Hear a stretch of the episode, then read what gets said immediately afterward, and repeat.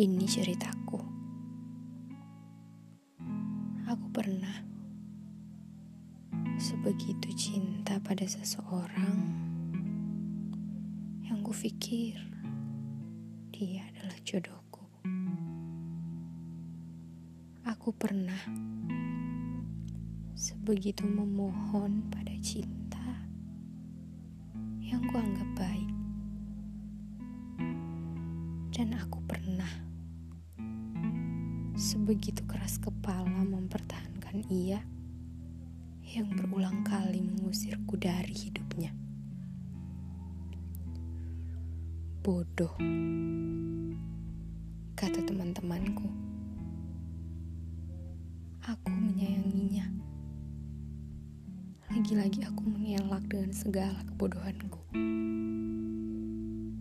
Sampai pada akhirnya Tuhan berbisik. Cukup. Dia bukan yang terbaik untukmu. Semua terasa begitu hancur.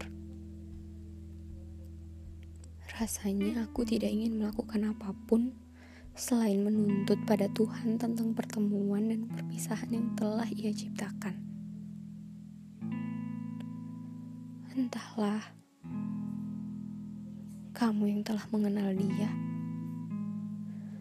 atau aku yang baru mengenal